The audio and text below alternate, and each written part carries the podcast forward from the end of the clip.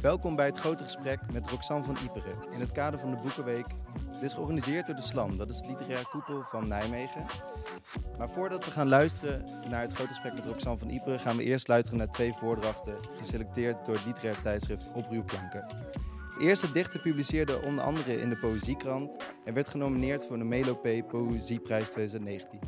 Daarnaast recenseert ze voor Zoom. Mag ik uw aandacht voor Kinja de Almeida Kinesh.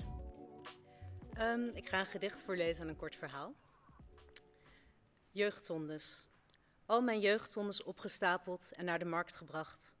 Als makke schapen met verveelde vachten strompelden ze de laadklep op. Ik herkende ze nauwelijks, maar eenmaal aangekomen likten de vingers van kinderen, stalen snoepjes uit hun zakken.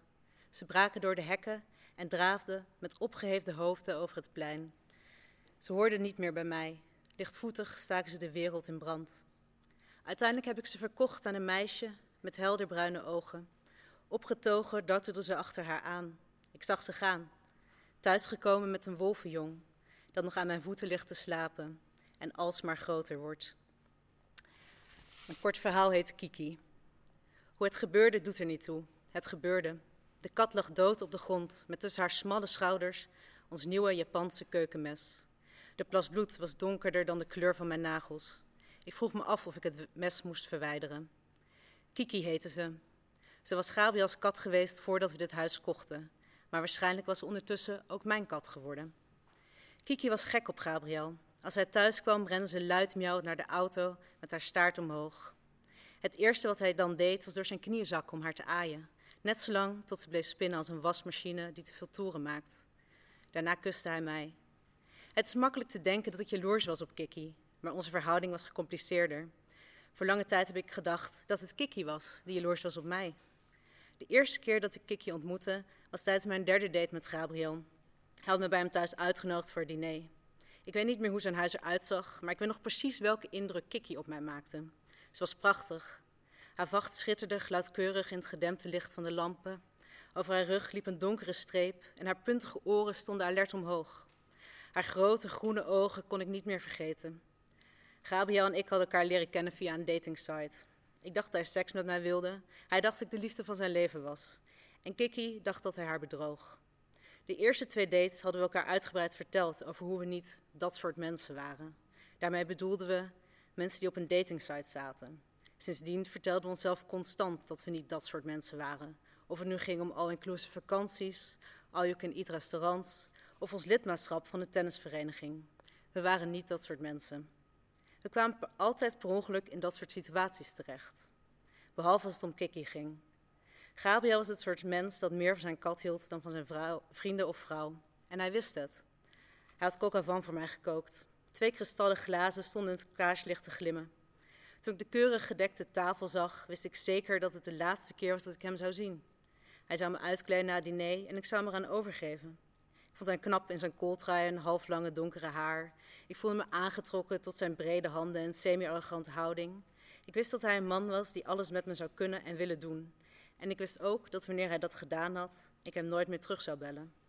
Maar Kiki was er die avond. We dronken en aten, terwijl ze met haar grote ogen naar Gabriel bleef kijken. Ze hield hem nauwlettend in de gaten. Voor mij had ze geen aandacht. Hij voerde haar stukjes kip en als hij dacht dat ik een hap nam, dan keek ze naar hem. Toen het moment daar was, hij mij half wat uitgekleed en naar zijn bed begeleidde, zette Kiki het op een krijsen. Gabriel snel naar haar toe. Ik lag op zijn grote bed met schone lakens, half naakt, verlaten voor een kat. Ze bleek een hyperactieve schildklier te hebben, waardoor ze regelmatig krijste. Onze vierde date was in de wachtkamer van de dierenarts. Ik kwam hem en Kiki ophalen na haar operatie. Gabriels ogen stonden nog groter en verdrietiger dan die van haar. Trillend kneep hij in mijn hand toen ze binnen werd gebracht. Ik was bang dat hij zou gaan huilen. Maar ze herstelde snel en ik bleef Gabriel terugbellen, omdat ik die grote ogen niet meer kon vergeten. Ze stond altijd te kijken als we seks hadden. Soms sprong ze op het bed terwijl we bezig waren. Als ik de deur dicht deed, begon ze aan de andere kant te miauwen. Gabriel werd altijd zenuwachtig als er was, verdeeld over ons twee. Hij was voorzichtiger als op het hoofdkussen lag te slapen of raffelde de seks af omdat hij zich ongemakkelijk voelde. Boos worden hielp niet. Ik zweer dat ik Kiki een keer zag glimlachen toen Gabriel zijn hoogtepunt forceerde. Toen hij klaar was, kroop ze tegen zijn borst staan en spinde. Voor Gabriel was er Johan, voor Johan was er Wilco en voor Wilco was er Lodewijk. Gabriel was de eerste man die van katten hield. De andere wilde kinderen, al had Wilco ook cavia's gehad. Ik wilde geen kinderen en eigenlijk ook geen cavia's. Een kat had me schappelijk geleken. Een goede deal om onder de meeste verantwoordelijkheden in het leven uit te komen. Niets was minder waar. Kiki was veel eisend en verwend. En Gabriel vond het lastig haar achter te laten. Na maanden zeuren gingen we toch elk jaar drie weken naar Italië op vakantie. Kiki logeerde in een kathotel voor een bedrag waarvan we makkelijk een driejarige peuter mee hadden kunnen nemen. Toen Gabriel het bedrag overmaakte, dacht ik aan Wilco's cavia's, die door zijn buurmeisjes verzorgd werden als ze weggingen. Het waren rustige dieren geweest, die alles over zich heen lieten komen. Niet zoals Kiki. Het leek alsof ze nog ademde toen ik het mes uit het lichaampje trok. Gabriel kon elk moment thuiskomen. Ik vroeg me af waar ik haar moest verbergen. Ik pakte het slappe katlijf op van de grond en duwde haar in de bijna lege vuilniszak. Kiki was een mooie kat, maar door de dood had ze al haar grandeur verloren. Terwijl ik haar bloed van de keukenvoer veegde, neurde ik een nummer van Frank Sinatra. Gabriel's auto kwam voor ons huis tot stilstand. Ik gooide snel de restjes eten van de vorige avond over haar heen in de prullenbak. Terwijl ik, over het, terwijl ik het laatste bloed uit het wel spoelde, liep hij binnen.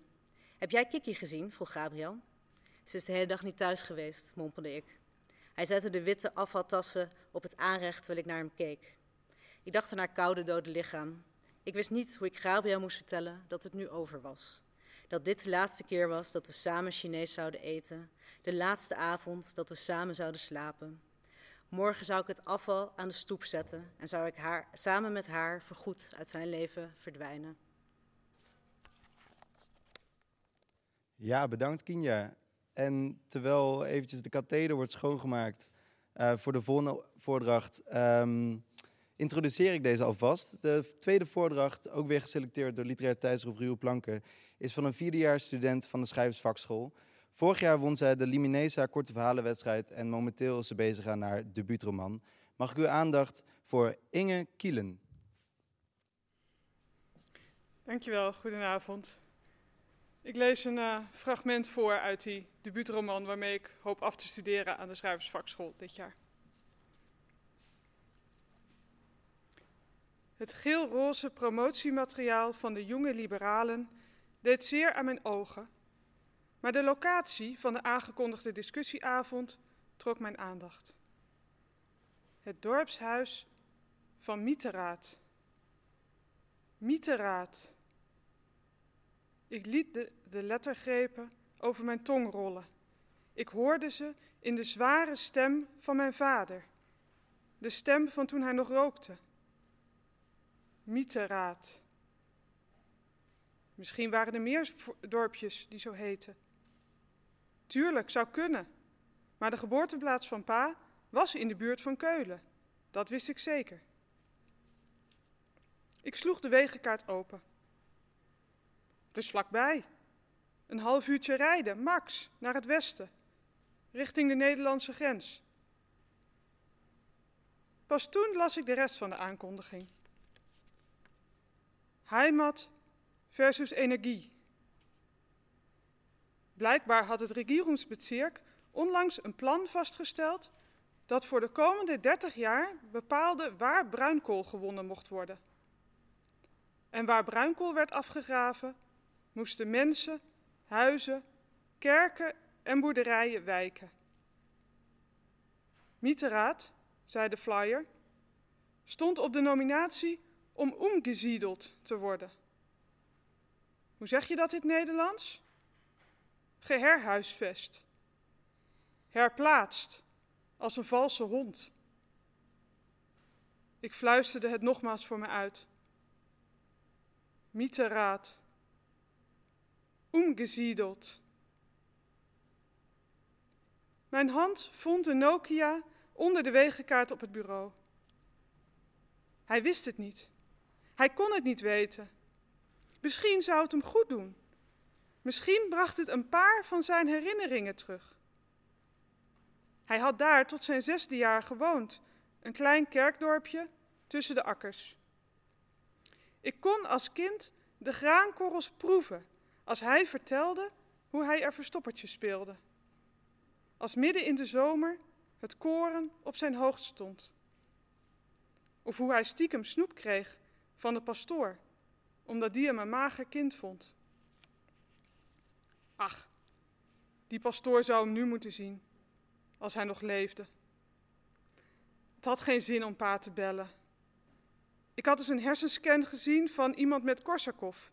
En die man of vrouw, het kon ook een vrouw geweest zijn, had letterlijk holtes in de hersens. Zwarte gaten in de grijze massa.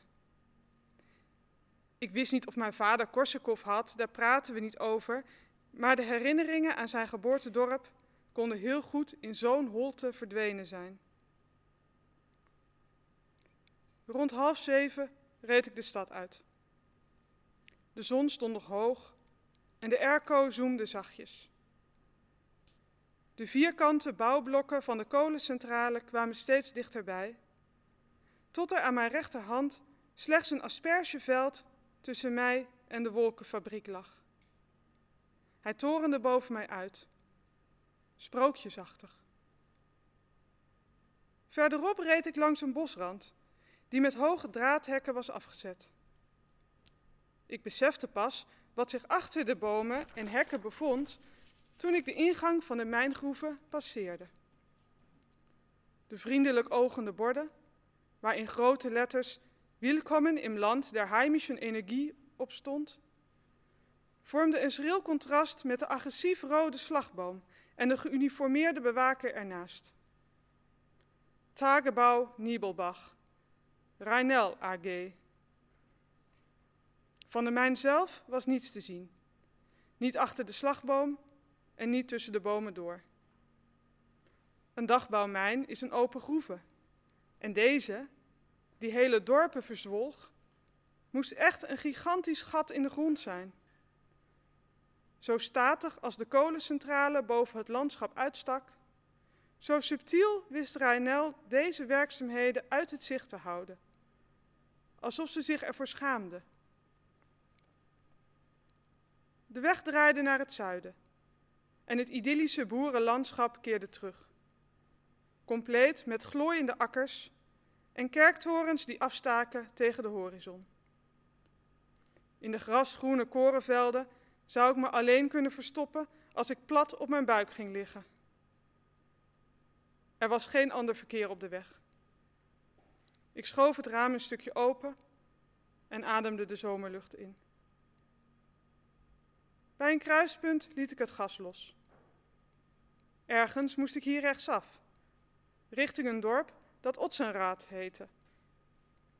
Er stond hier weliswaar een richtingaanwijzer, een draadframe in de vorm van een naar rechts wijzende pijl, maar de plaatsnaam ontbrak. Het frame omlijstte enkel de blauwe hemel. Misschien eruit gevallen. Op goed geluk sloeg ik de zijweg in. Bij het begin van het dorp stond wel een bord. Otsenraad. Dus het klopte. Maar het klopte niet. Er waren nog gebouwen, dat wel. Een boerderij leek bewoond, want op een kartonnen bord werden kartoffel aangeprezen en Friese eier. Maar bij het gros van de huizen waren de rolluiken voor de ramen gesloten. En was er met rode verf heimat opgespoten. Of ironisch, alle durven blijven. En ergens, vak Reinel. De verf was van de kozijnen afgebladderd. De tuinen waren overwoekerd. En her en der miste een dakpan. Stapvoets reed ik door het spookdorp. Als je in een polder bent opgegroeid, zelfs als die polder al in 1840 is drooggelegd, geloof je in vooruitgang. Aan de overzijde van de weg lag een huizenblok in puin. Zoals op nieuwsbeelden van bomaanslagen of aardbevingen in verre landen. Volgens de wegenkaart moest ik rechtdoor. Maar voor me lag een strook brokstukken dwars over het asfalt. Erachter ging de weg over in gras dat tot de horizon leek te lopen.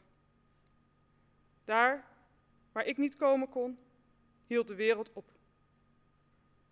Voorzichtig keerde ik de auto en reed terug naar het kruispunt met het lege draadframe. De pijl had toch gelijk gehad. Ja, dankjewel Inge. En ik denk dat we allemaal heel benieuwd zijn naar die uh, debuutroman die dan uh, hopelijk binnenkort verschijnt. Uh, dan is het nu tijd voor het grote gesprek. En de oplettende luisteraar had het al gehoord dat ik net de naam van Roxane verkeerd uitsprak. Dus natuurlijk Roxane, niet Roxanne en ook niet Roxanne.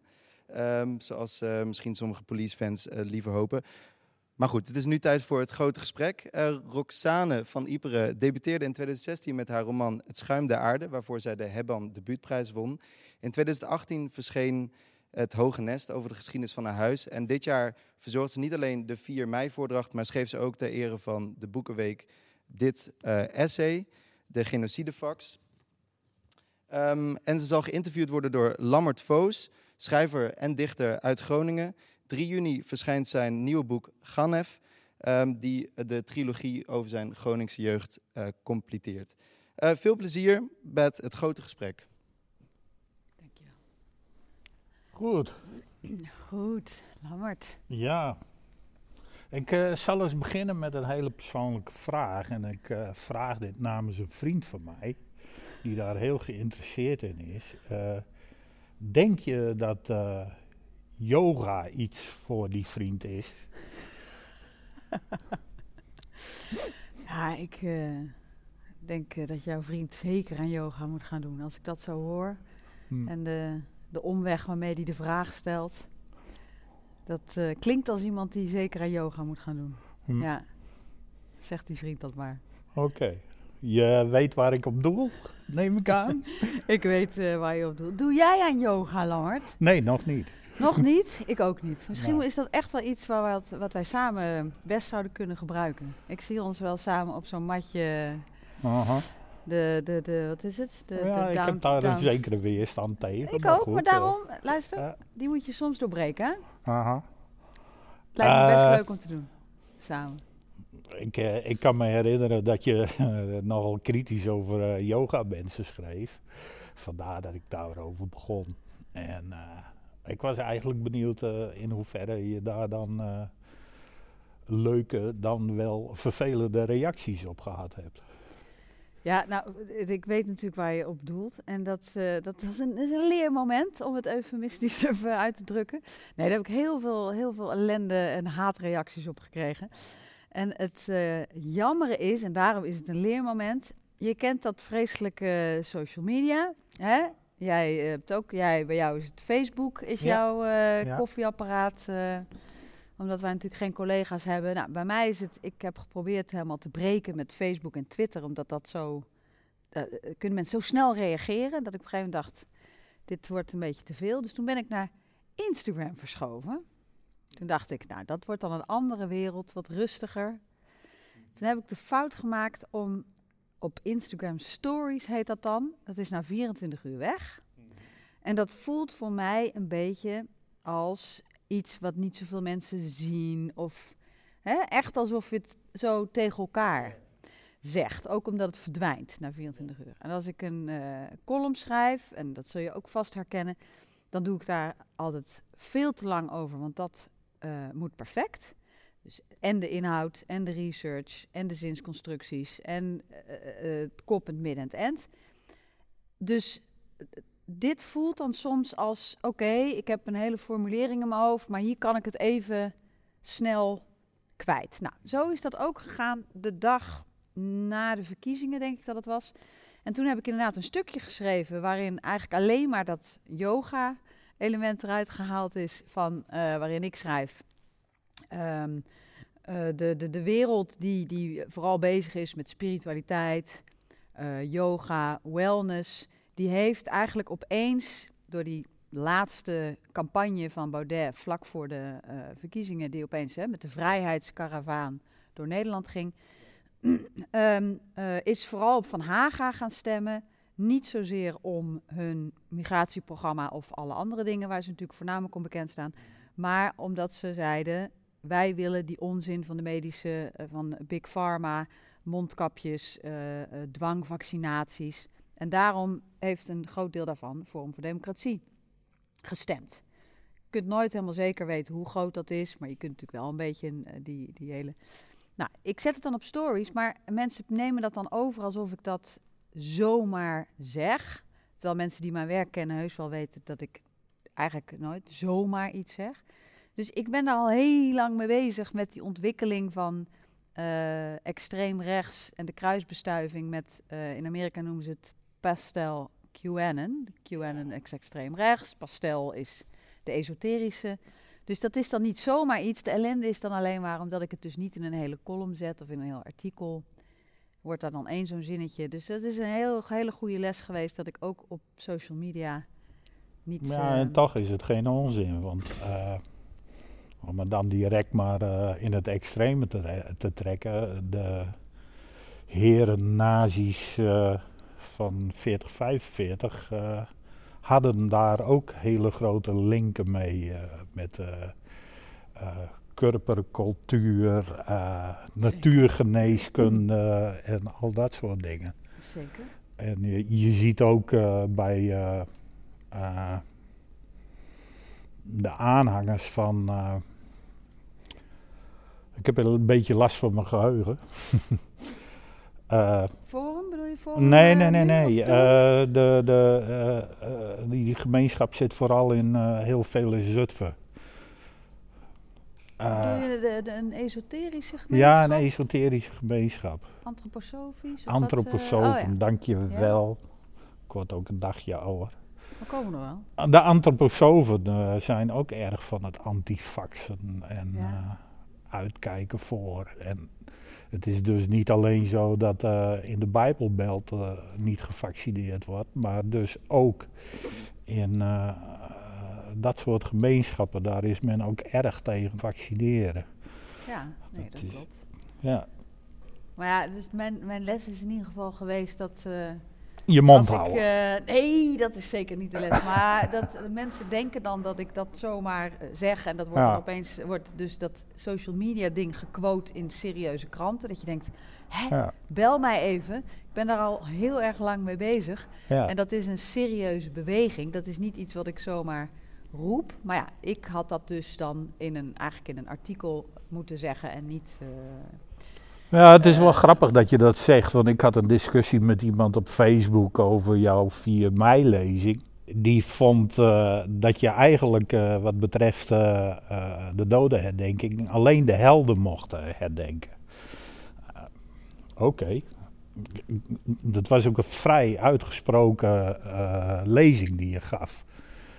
Eh, heb, je, heb, je, heb je daar heel veel reacties op gehad? Want ik neem aan dat het niet populair is om te zeggen van dat dat eh kaalscheren van dames na de oorlog eh, eigenlijk niet deugde. Want dat proefde ik erin. Nou, wat het eigenlijk natuurlijk vooral is, is een oproep tot ja, ruimte voor meerstemmigheid. Dus zonder vooringenomen moralistisch standpunt op zoek gaan naar de feiten. Eh, daar is de tijd natuurlijk inmiddels wel rijp voor. Ik begrijp heus dat er vlak na ieder conflict, ehm, eh, oorlogen, genocides, kijk in de 15 jaar daarna ontstaat het, het, het eh, collectieve geheugen erover. En dat gaat natuurlijk altijd een bepaalde kant op. Maar we zijn inmiddels zoveel jaar verder dat ik gewoon pleit voor ja, minder vooringenomenheid en gewoon het onderzoeken van de feiten, zoals ik dat hopelijk voor het Hoge Nest heb gedaan, maar ook voor het andere eh, werk eh, wat ik doe. Ehm, en dan inderdaad zoiets als je zou alleen de helden moeten eren of je zou alleen. Ehm, ja, ik denk dan, maar waarom staan we daar dan op die dag? En hoe kom je dan tot die uitspraak dit nooit meer? Ja, dan blijft bij mij steeds weer, ja, wat nooit meer? Een collectief schuldgevoel? Nee, laat ik het zo zeggen. Eerst onderzoeken wat er nou gebeurd is. En Ja. niet alleen maar zeggen, ehm, als we het even heel zwart-wit eh, eh, eh, benoemen. De Duitsers vielen ons binnen. er was, we hadden geen, geen enkele kans om daar iets tegen in het geweer te brengen. Maar we hebben het wel geprobeerd. We, we hebben echt heldhaftig geprobeerd, daar waar het kon, in opstand te komen. En dat is dan het verhaal. Nee, dat is een deel van het verhaal. En zo zijn er heel erg veel delen. Zoals bijvoorbeeld het feit dat natuurlijk nog steeds zo'n mythe over de Joodse gemeenschap bestaat. En dat heel veel mensen dan na het lezen van het Hoge Net zeggen: Wacht even, Joods verzet? Vrouwelijk Joods verzet? Ja, die zijn er natuurlijk, die verhalen zijn er ook. Dus ik pleit niet voor het moet nu opeens alleen maar dit zijn, het moet alleen maar de vrouwen zijn. Het moet, nee, het laat er ruimte zijn voor alles. Ja. Maar denk je dat die gewelds. Daar doe ik eigenlijk een beetje op die geweldsexplosie naar collaborateurs toe, of vermeende collaborateurs, misschien ook het gevolg is van het collectieve schuldgevoel over dat er zoveel Joden hier zijn weggevoerd. En zeker in, uh, in uh, percentages gezien uh, naar de, bijvoorbeeld Denemarken, België, Frankrijk. Ja, ja het meeste hè, van West-Europa, 75 Ja. ja, weet ik niet. Want dan, dat, dat, weet je, die geweldsexplosie bijvoorbeeld naar de, uh, de moffenmeiden waar je nu op ja. doelt. Dat was natuurlijk echt meteen na de bevrijding. Ja. Dus ik denk dat er dan nog niet sprake is van, van uh, hè, een, een, echt al een collectief schuldgevoel. Of hè, er is nog geen enkele reflectie op zo'n conflict. En ik roep ook helemaal niet op tot van, oh, weet je, ik ga opeens de moffenmeiden beschermen. Kijk, dat is niet het doel van zo'n lezing. Dat was in het stukje waarin ik zei, als hier dan altijd iemand moet staan namens een groep. Nou, groepsdenken, we weten allemaal waar dat uiteindelijk toe kan leiden. Door die gedachte dat daar dus op dat podium altijd iemand moet staan die een groep vertegenwoordigt. En mijn beetje flauwe vraag daarop was, nou, namens wie sta ik hier dan? Namens de vrouwen. En dan zeg maar welke vrouwen? Kies dan maar uit, want waar willen we het dan zo graag over hebben? Over de helden of over de kwaaierrikken? Dus dat was meer een soort van um, hopen dat ik de vraag terug bij de luisteraar in het schoot gooide en zei: Oké, okay, dan zeg het dan maar. Namens wie sta ik hier en wat wil je dat ik zeg? Ja. Wanneer is het goed? Ja. Dus dat is natuurlijk meer een, een zo van: uh, denk er dan zelf eens over na. Goed. Is goed het goede woord? Nou, wanneer, wanneer kun je dan rustig slapen? Uh -huh. Bij welke woorden, bij welke persoon op zo'n podium? Wanneer is iedereen weer gesust? Mm -hmm. ja, nou ja, net als jij ben ik natuurlijk niet een type dat als doel heeft sussen. Nee, nee, nee. Ik denk dat we dat wel gemeenschappelijk hebben. Ja, ja zeker. Oh, vertel dat nou eerst even, Lammert. Want heel veel mensen weten natuurlijk helemaal niet dat jij en ik... Wij zitten hier natuurlijk niet voor niks met z'n tweeën. Dat is niet omdat wij hier net over straat liepen en dachten... God, we gaan eens even naar binnen. Nee. Maar dat wij, uh, wat mij betreft, een, uh, een grote gemeenschappelijkheid hebben. Ja, die mensen klopt. niet zozeer aan ons zouden afzien, denk ik. Nee. Nou, jij schreef in je essay over uh, de genocide in Rwanda. En dat gaat dan bij mij toch wel tot in mijn tenen. Want ik was betrokken bij de genocide in Joegoslavië. En heb daar ook een, een, boek over geschreven. Heb daar hele onfrisse dingen meegemaakt en gezien. En ik, het feit dat ik, dat ik eigenlijk schrijf over het onvermogen van mensen om wel overwogen keuzes te maken.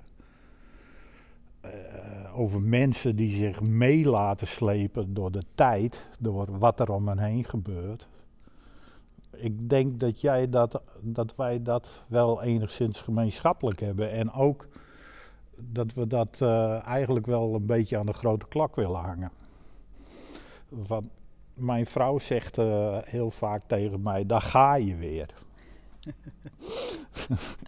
en wat gebeurt er dan? Nou ja, dan zit ik te fulmineren over alles wat er misgaat in dit land en uh, wat ik denk dat er misgaat. En volgens mij zitten wij wat dat betreft wel op hetzelfde. Maar op dezelfde wat, lijn. Dat klopt, maar wat ik wel heel fijn vind, en uh, dat, dat bewonder ik bij jou, is dat je, wat heel veel mensen fulmineren over wat er mis is, maar heel vaak denk ik dan, oké, okay, ja, bereiken we daar heel veel mee? Niet, niet per se, maar wat jij doet is het vervolgens condenseren en in heel mooi werk verpakken. Ehm, dus want dat fulmineren alleen, daar, hè, nou ja, dat is vooral dan op je vrouw gericht en misschien dat die dan... eh, Nou, nee hoor, het, ik scheld meer tegen de televisie. En, eh, ja. ja, en op Facebook, hè? En op Hm. Facebook. Ja, dat eh, vind ik ook Ja. wel mooi om te volgen. Ja. Nee, maar je- wat jij net vertelt Daar over, heb je hem weer. Ja, daar heb, daar heb, daar heb je Ja. Lambert weer op Facebook. Nee, Ja. maar jouw boek Abdoe en de Anderen, over jouw periode Ja, daar, dat gaat over de tijd dat je daar hulpverlener was. ja, En met een vriend in een soort onafgebouwd huis daar Ja. verbleef. En met hele grote moeite mensen uit die oorlog aan het trekken was om ja, mondjesmaat naar Nederland te Ja. krijgen. En het, de totale absurde situatie waarin jullie beland waren. ja. Eh, ik vond dat heel mooi om, om te zien hoe je dat deed en hoe je dat beschrijft. Maar kun je vertel eens even, hoe ben je daar vandaan gekomen? Wat was, de, wat was er anders in je hoofd toen je daar vandaan kwam? Toen ik daar vandaan kwam, eh, toen eh, had ik het gevoel, het doet er niet toe wat ik vind en wat ik doe. Het maakt niet uit. En eh, alles wat wij doen is een druppel op de gloeiende plaat. Het gebeurt toch. Wij hadden een opdracht meegekregen en met uitnodigingsbrieven van het ministerie van Justitie. Mensen de eerste lijns eh, gezinshereniging daar uit Bosnië te trekken inderdaad. En dan mochten ze, mochten ze eh, eh, naar Nederland komen, naar hun gezinnen, naar hun ouders, broers, zussen. Grote grap was dat de Nederlandse ambassadeur in Zagreb, die dus de laissez-passés moest schrijven, ons actief tegenwerkte. Want hij was het op persoonlijke titel er niet mee eens dat de vluchtelingen naar Nederland kwamen. En eh, als je ziet hoe men tegenwoordig ook over vluchtelingen eh, praat, ik, eh, en, en, eh, hoe het beleid eh, wat dat betreft is, dan denk ik van, oh man, dit was 30 jaar geleden en eh, niemand heeft wat bijgeleerd. En iedereen is nog steeds alleen maar in zijn eigen kleine wereldje aan het kijken van, eh, jongens, kan ik vandaag de hypotheek eh, betalen? En that's it. Eh, wat wij daar deden was, nou, is toch wel behoorlijk de, de regels oprekken. Dat is dan ook een eufemisme. En wij eh, zorgden dat we het via de Duitse ambassade deden. Want de Nederlandse ambassadeur werkte niet mee. Dus wij zorgden dat we via de Duitse ambassade laissez-passés kregen, zodat die mensen verder konden.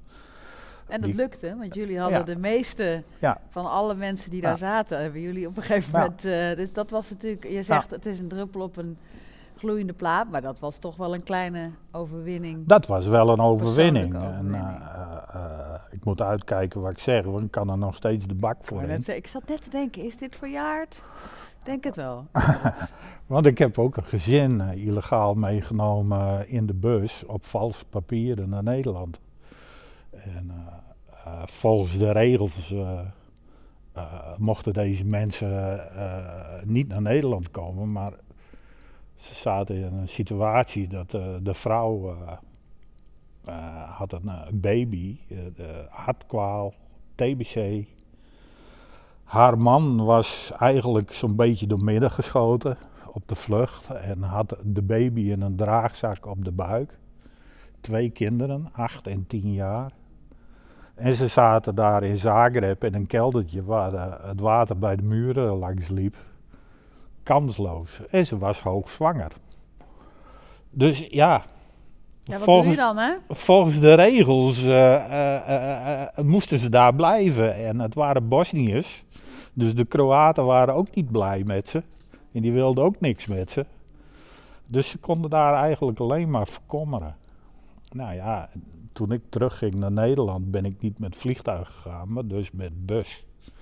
En heb ze meegenomen. En eh, ik moet zeggen dat ik. eh, dat dat wel een van de meest angstige ervaringen in mijn leven is geweest. Maar het is dus wel bijzonder dat afhankelijk van in welk tijdsgevricht je leeft en eh, te- afhankelijk van tegen wie je dit verhaal vertelt, ben je dus of een, even heel overdreven gezegd, of een held of een absolute slechterik. Ja, En dat ik ben geen held. Eh, nou, laat ik het zo zeggen. De een zal zeggen, geweldig dat je dit gedaan hebt. Ja. Je hebt de regels wel overtreden, maar geweldig. En de ander zal zeggen, wat een idioot, dit kan niet. Als iedereen dit gaat doen, dan hebben we zo meteen, hè, dan, dan krijg je die discussie. Ja, ja die En- mensen hebben ook gelijk. Nou ja, wat ik me dan dus, want heel vaak zeggen mensen, en daar, dan ben ik het dan weer niet mee eens, van oh, het is altijd maar vanaf welke kant je het bekijkt, want hè, dan is het goed en dan is het slecht. Kijk, dat is natuurlijk niet zo. Je kunt niet zo zeggen van, oh, het maakt niet uit van welke kant je het bekijkt. De nazi's, als je het van die kant bekijkt, waren ze goed. En als je van die kant bekijkt, kijk, zo werkt het natuurlijk niet. Hè? Ik bedoel, dat is wel altijd, dat, dat, daar, daar wil ik niet in meegaan. Eh, jij wel trouwens? Ben jij echt zo'n soort, soort relativist dat je... Nee, ik zie wel grijs tinten. Eh, ben je dan een relativist? Nee, nee, nee, nee. Maar ik vind dus wel dat je absoluut in bepaalde situaties kan zeggen: er is een goed en er is een fout. Ja, dat vind ik ook wel, ja. En, eh, en, en dat is trouwens ook waarom ik nooit vergelijkingen maak tussen eh, de Tweede Wereldoorlog en nu. Want dan, dat willen sommige mensen best wel snel doen. Is omdat ehm, je van.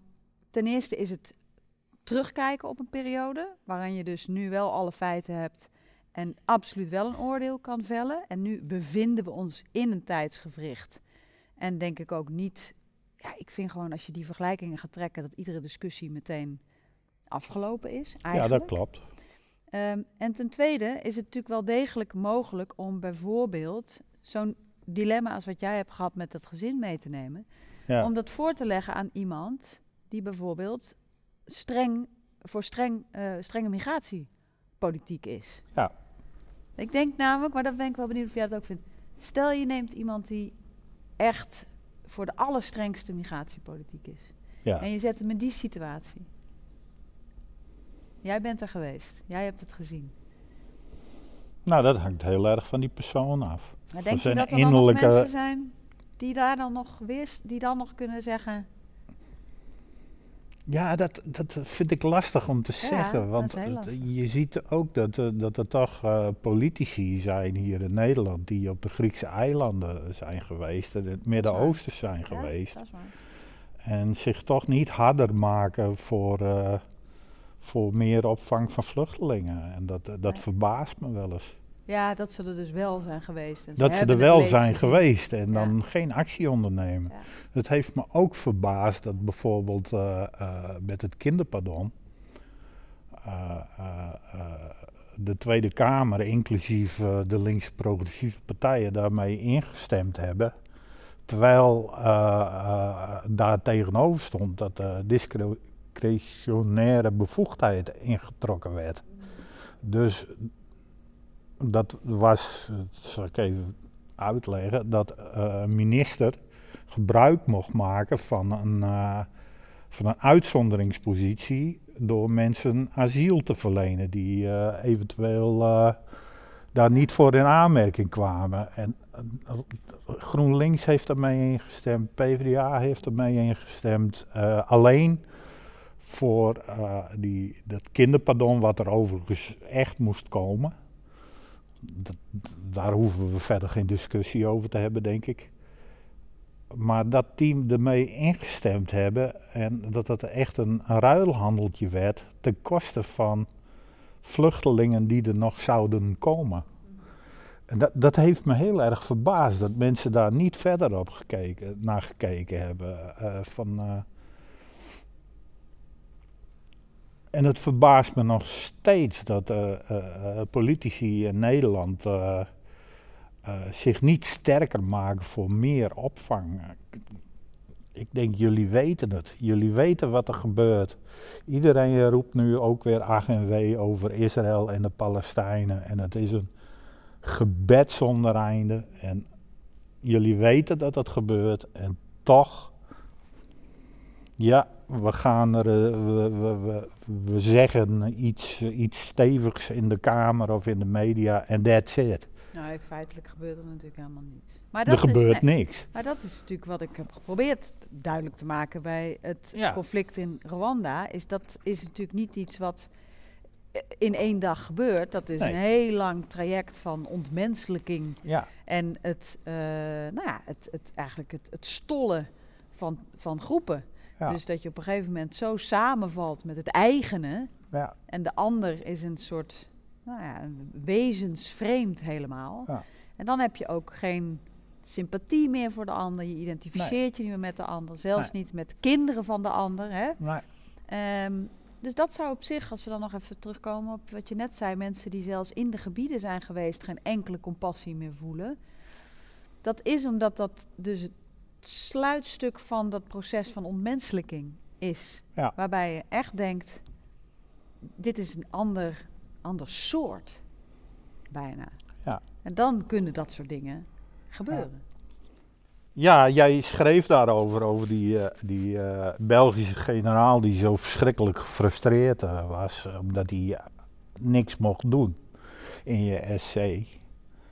En nou, dat was een complete, ik wist wel wat van de oorlog in Rwanda, maar dat was wel een eh, déjà vu, want de VN heeft twee jaar later eh Dutchbed in precies dezelfde situatie gezet. Ze mochten niks doen. En dat werd Dutchbed hevig verweten dat ze niks deden. Maar ze mochten ook niks doen en ze kregen geen steun. En in de media werden ze helemaal afgemaakt hier. En ik weet zelf dat ik destijds zelf ook des duivels was. Maar die jongens die konden helemaal geen moer doen. Nee, en dat is wel wat, wat ik ook zo goed vind aan eh, die man, eh, Romeo Dallaire, die inderdaad dus aan het hoofd van die VN-vredesmissie in Rwanda in 94 stond, is dat hij, eh, los van het feit dat hij heel veel aandacht natuurlijk voor de vreselijke genocide vraagt, maar ook zegt, VN-landen, realiseren jullie je dat jullie jongens naar, op een vredesmissie sturen, die voor de rest van hun leven met posttraumatisch stresssyndroom terug worden gestuurd. En ook nog tot in lengte vandaag te horen krijgen. Dankzij jullie zijn er hele bevolkingsgroepen uitgemoord. Ja, Terwijl die jongens die worden daar heel vaak die zo staan bleu als daar maar en zijn. die staan daar met 15 patronen. Ja, en en ze eh, zoek niks. het maar uit. En ze krijgen verkeerde eh, ze, eh, eh, instructies mee. Ja. De, in, de inlichtingen de, eh, kloppen vaak niet. Nee. Ehm, dus dat vind ik ook wel goed aan hem. Dat hij dus niet is gestopt daarbij. Nou, dit was mijn conflict. En daar wil ik aandacht voor vragen. Maar dat hij zich tot de dag van vandaag... Hij leidt zelf onder gruwelijk eh posttraumatisch stresssyndroom. Dat geloof ik. Dus daar, daar ehm, eh, eh, nou ja, dat leidt hij echt nog op dagelijkse basis. eh, Het is, het is niet alleen de VN die het doet. Het zijn ook de, de regeringen van, van de landen die maar wat graag mee willen doen. In een eh, PR-gebeuren. Kom, we sturen mensen naar Irak. Dat is een volledige oorlog. En ik kan me herinneren dat daar een eh, soldaat was die eh, had, eh, was in het nauw gebracht en had zijn wapen gebruikt. Vervolgens wordt hij hier in Nederland door justitie vervolgd omdat hij daar geschoten had. Dat is waanzinnig. Dan denk ik van, realiseer je eigenlijk wel wat je met die mensen doet? Realiseer je eigenlijk wel waar je ze naartoe stuurt? Van Afghanistan om maar wat te noemen. Dat is een land wat, wat al eeuwen in oorlog is. En daar stuur jij mensen heen om op te bouwen. Nou, ze waren nog niet weg en alles was... Ah, het, is het is publieke opinie voor een groot het is deel. PR. En dat is natuurlijk het gruwelijke. En Ja. dat zag je ook in Rwanda. Is dat toen eenmaal duidelijk was, daar op dit moment eh, voltrekt zich daar een volkerenmoord. Was natuurlijk maar één vraag van belang. Gaat in het Westen het publiek het pikken als we wel of niet ingrijpen? Oftewel, als we gaan communiceren, het is een genocide en we doen niks. Pikken ze dat in het Westen of zeggen ze, nou, maar dat kan niet, we moeten daar gaan helpen. En toen is de inschatting geweest, we denken niet dat mensen zich heel erg gaan identificeren met Rwandezen. Dus ik denk dat we safe zitten door niks te doen. En dat is letterlijk de overweging geweest.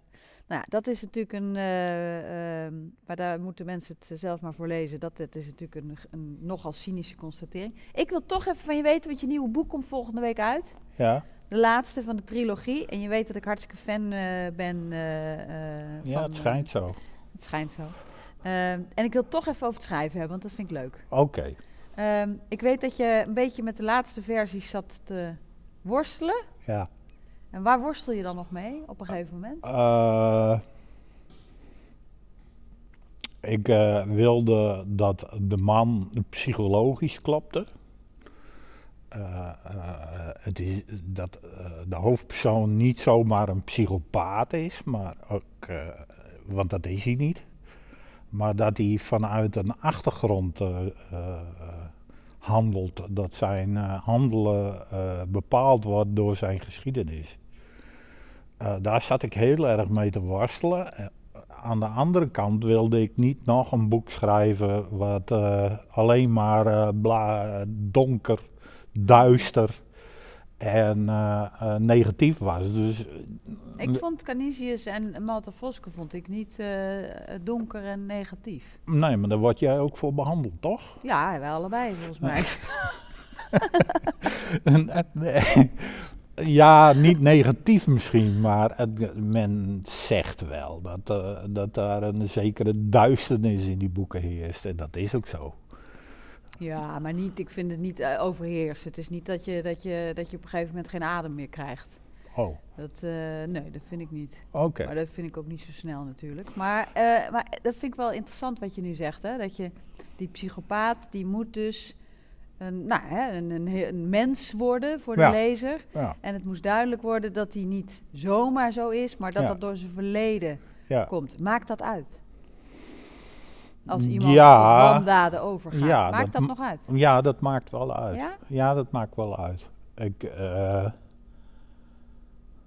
je, hebt, je hebt niet zoveel mensen, maar er zijn mensen, echte psychopaten, die, eh, die eh, echt vanaf geboorte iets niet hebben functioneren in hun hersenen. En niet tot gewetensvorming komen, maar je hebt ook mensen die eigenlijk een soort eh part-time psychopaten zijn. Ja. En eh, eh, die wel degelijk gewetensvorming Ja. hebben, maar die door driften die ze niet kunnen beheersen, of, of nou, posttraumatische stress is er een van.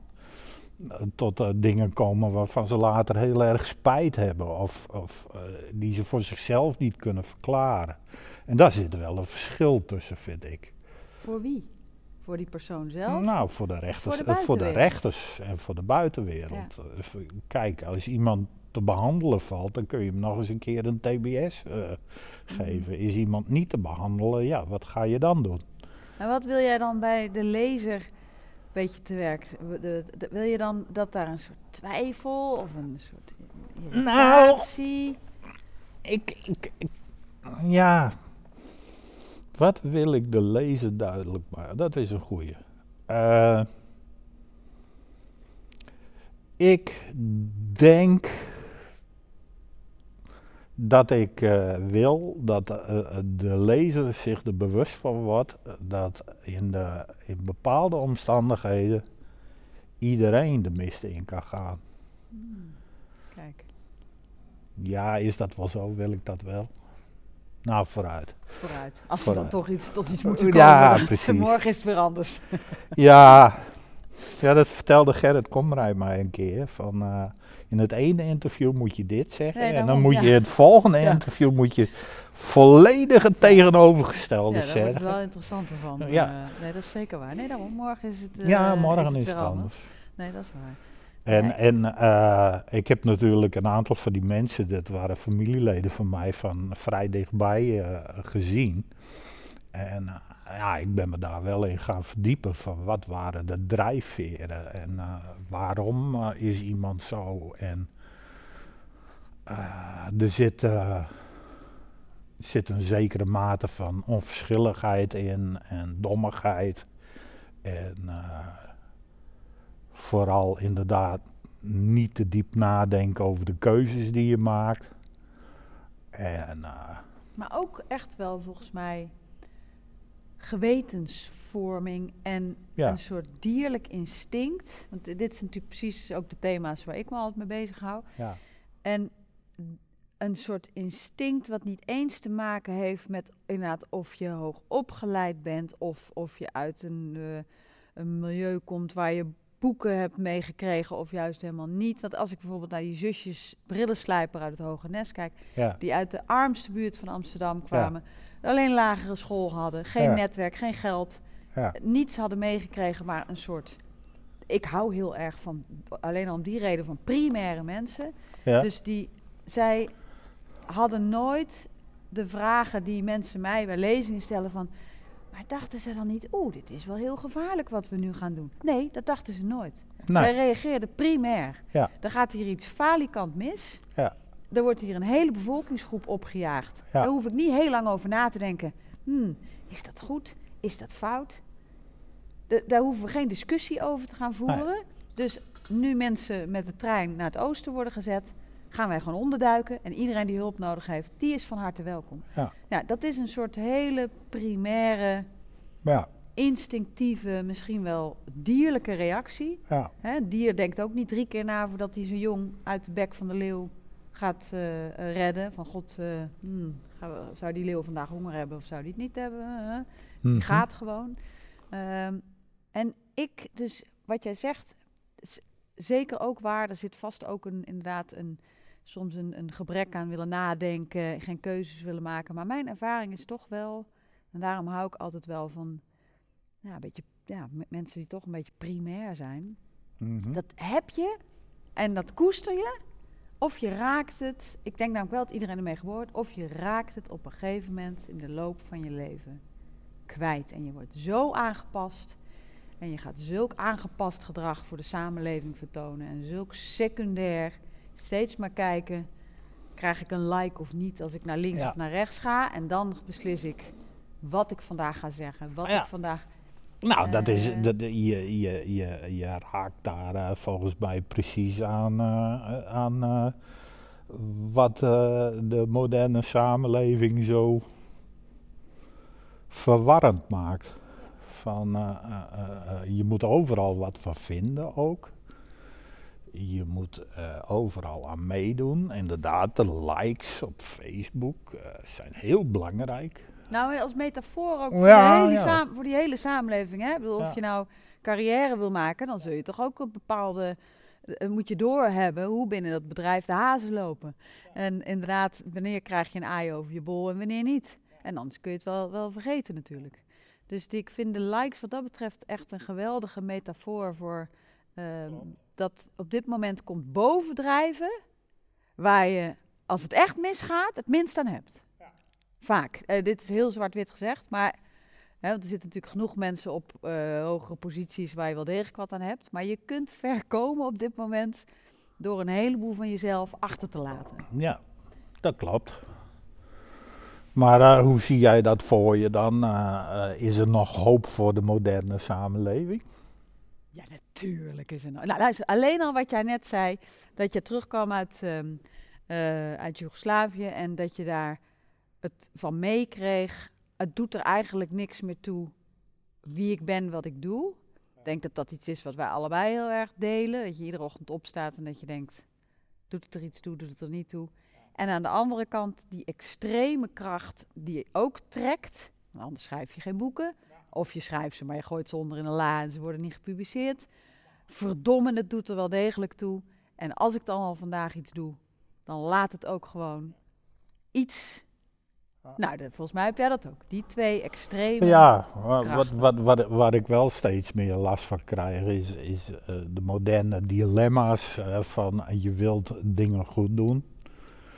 Oh, laten we eens eh, eh, zonnepanelen op ons dak leggen. Dat doen we wel goed voor het milieu. Ja, Fuck, die worden gemaakt door dwangarbeiders. Oeigoeren. ja. Nou, noem nog eens wat van die voorbeelden. Van, eh, onze mobiele telefoons, gemaakt van Congolese sla- kinderen, slaven.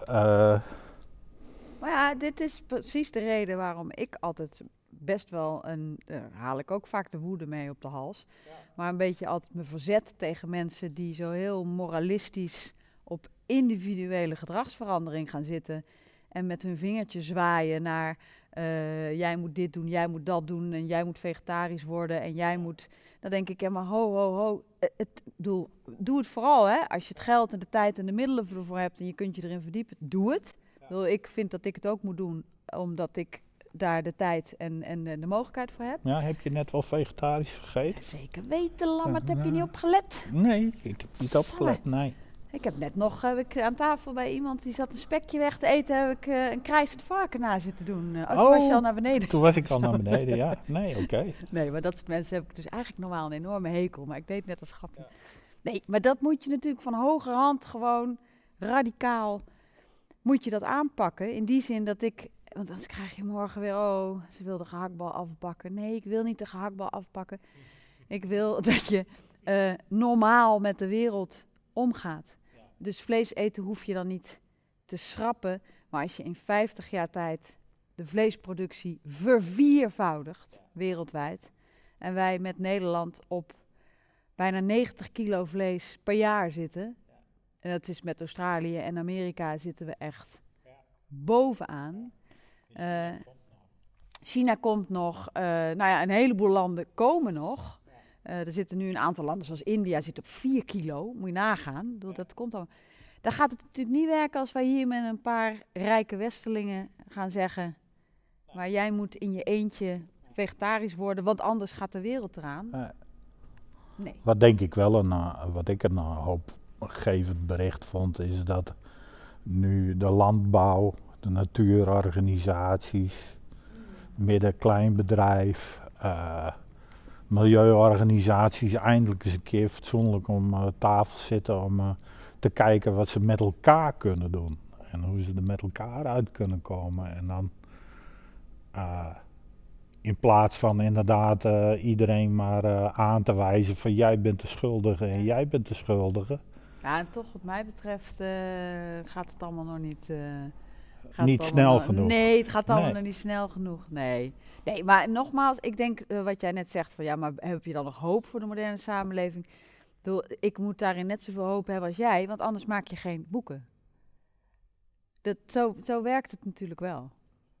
Dan ben je niet nu zenuwachtig over het feit dat, uh, nou daar ben je waarschijnlijk niet zenuwachtig over, maar dat je nu een nieuw boek hebt wat komt en ik nu deze ja. tien dagen op tournee voor ja, het essay. Ja, dat doe je omdat je toch denkt, het is niet helemaal zinloos. Nee. Dat we er zijn. Nee, oké. Okay. Ah. Ja, oké. Okay. Toch weer een licht. Het is wel grappig, want uh, nou, jij zet me dan nu even uh, op mijn plek. Uh, afgelopen zaterdag was ik in Amsterdam voor opnames van een zeker televisieprogramma. En daar ja. sprak ik met meneer Wieringa. Ons wel bekend. Ja. En die hadden we ook zo'n praatje over geld. En uh, ja, dat doet er voor mij niet toe. Dat is helemaal niet belangrijk. Toen zegt hij, oh, en nou gaan ze jouw trilogie uh, verfilmen. En jij krijgt uh, eh, 500.000 euro daarvoor. Zou jij dan nee zeggen? En toen dacht ik, ik heb liever dat je je mond houdt. Ja. heel goed, ja, ja, heel goed. Oh, ik ben wel benieuwd inderdaad hoe het, uh, mm -hmm. hoe het wordt op tv. Ja. Brommer op zee, hè? Ja, Brommer op zee. Ja, ja. mooi. Volgende week. Uh... Nee, morgen. Dat is morgen al. Oh, wat is het vandaag? Ik, jongen, ik ben Zaterdag. Helemaal, ik ben toch helemaal de weg kwijt. Ik weet niet eens waar ik ah. zit. Dit is Nijmegen. Oh, dit is Nijmegen. Dit is Nijmegen, ja. ja, ja. Ik was het alweer uh, helemaal kwijt. Dus in die zin, ja, hoe zuiver ben je? Ik weet nog wel. je dat wel eens af? Hm? Stel je die vraag wel eens? Ja, ik stel me voortdurend waar, die ja? vraag, ja. En, uh, uh, ik heb wel een heel streng geweten, geloof ik. Dat wordt me ook wel eens verteld. En, uh, het, is, het is toch helemaal niet mogelijk? Dat woord alleen al zuiver, daar krijg ik, daar krijg ik echt huiveringen van. Ja. Stel jij jezelf die vraag serieus? Dat is bijna een gezel woord alleen al? Ja, ik stel mezelf uh, die vraag wel eens. En ik kom maar altijd tot de conclusie niet. Nee, natuurlijk. Nee, maar dat net is als iedereen. niet haalbaar? Nee. Zou, eh, zou dat haalbaar moeten z- Ik vind het niet eens Ah, mijn grootmoeder was ook gereformeerd. dus, Zo. eh, Nou, nou snap ik hem. Jeetje. ja, Ja, nou begrijp ik hem. Nee, dat, dat is ook het dilemma eh, wat, wat, ik, wat ik voel ten opzichte van, eh, van eh, waar ik het over had, van die zonnepanelen. En eh, ja, van wat je ook doet, je bent onderdeel van een maatschappij. En in die maatschappij zitten dingen. ja, je, je, kunt alleen maar meedoen. Je kunt er niet eh, naast staan of zo, dat werkt niet. En je kunt inderdaad eh, eh, heel hard schreeuwen van dit deugt niet en dat deugt niet. Eh, maar ook dat werkt niet, want Nou, dan, dra- dan draag je ook, dan, hou dan gewoon je mond, want dan draag je natuurlijk ook niets bij. Nee, maar dat is waarom ik ook zeg, het feit dat we nog, dat we boeken maken, ja, dat hoop ik altijd maar. Ook dat is een druppel op een gloeiende plaat, maar het is wel meer dan alleen maar zeggen, het deugt gewoon allemaal niet. Ja, dat is waar. Dat, eh, Dus jij deugt. nee, dat denk ik niet. Nee, Nee, dat- daar ben ik van diepste ook wel van overtuigd dat dat niet zo is. Ja. Nee. nee, dus daarom dat jij jezelf die vraag stelt, is voor mij echt al wel... ja, ik, ik, ik heb natuurlijk in mijn jeugd echt heel nadrukkelijk aan de kant gestaan die niet deugde. eh, Van, eh, ik was, ik was eh, toch wel een, eh, eigenlijk wel een crimineeltje. En, Eh, ben je nu boete aan het doen? Nee, dat zal ik niet zeggen. Maar Nee. ik kan wel zeggen dat ik dingen deed die niet helemaal. moi. Ja, zoals iedereen, hè, Lambert? Ja, Ja. oké.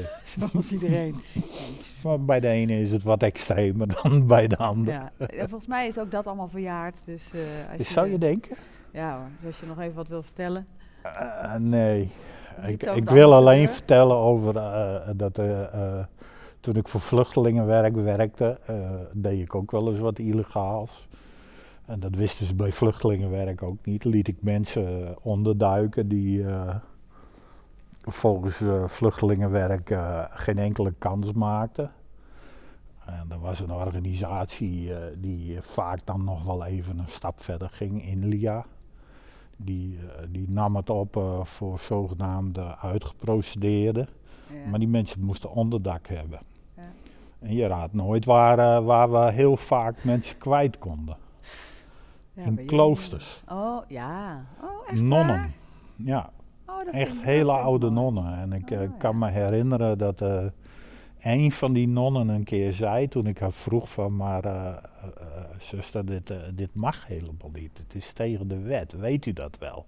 Realiseert u zich wel wat, dat, dat u iets doet wat tegen de wet is? En die zei, eh, God heeft wetten die Ja. de wetten van de mensen overstijgen. Maar één autoriteit en dat is God. Ja, Ja. dat is waar. Ja, het kan ook die kant. Je hebt het in het Geweldig essay, mens. Je hebt in het essay gelezen dat de kerk ook de andere kant op kan. Ja, Eh, zeker. eh, Nou, maar dat weet ik sowieso. Laten we het niet te vrolijk maken hier nu, hè? Nee, nee, nee, nee. Nee. meer. In Kroatië was de kerk ook geen Ja. prettig. Nee, het is grappig, want het is, er zijn heel veel voorbeelden van waar ze op een of andere manier het- iets goeds hebben gedaan in dit soort conflicten.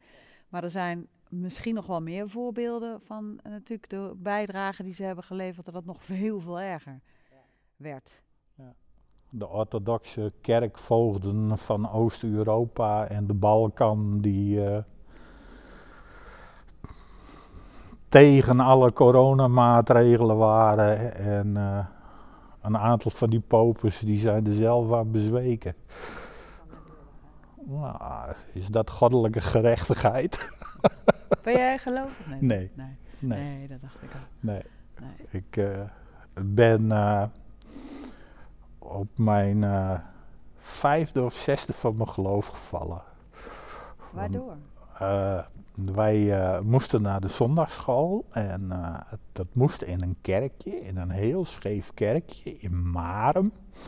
Dat is ook in Groningen en eh, daar stond een kerstboom met eh, keurige kaarsjes erin. En die kerstboom eh, die viel een eh, beetje om en die vloog in brand. En ja, dat was op zich geweldig. En- maar de dominee vloekte nogal. Dus ja, Dat vond ik niet helemaal kloppen. Oh, dat, dat was het al. Dat was het al. Oh, ik denk die dominee heeft nog heel veel andere dingen gedaan. maar nee, alleen nee, maar die dominee was een keurige meneer hoor. Dus, Ah, dan zat je er ook niet heel, heel stevig in, hè? nee, ik zat er ook niet heel stevig in. Maar goed, eh, voor iemand die zes jaar is, is natuurlijk eh, God een sprookjesfiguur. Dat is, dezelfde grootheid als klein duimpje. Of, Ja. Nou, er zijn mensen die dit te gaan ja, betwisten. maar ik was ook bang voor klein duimpje hoor. Oh, oké. Oh, Ja. Dat zie ik dan ook niet gebeuren. Ja, grappig hoor. En Jij bent ook niet gelovig? Nee, ik kan me wel voorstellen, ik, ik, hoe ouder ik word, hoe meer ik me wel kan voorstellen dat je er echt iets aan hebt. En vroeger dacht ik ook echt van, en, waarom zijn mensen dan eh, eh, zo gelovig? En ik, de- ik heb denk ik vooral toen ik met een ehm, jeugdwerker eh, door de Sloppenwijk in Brazilië liep.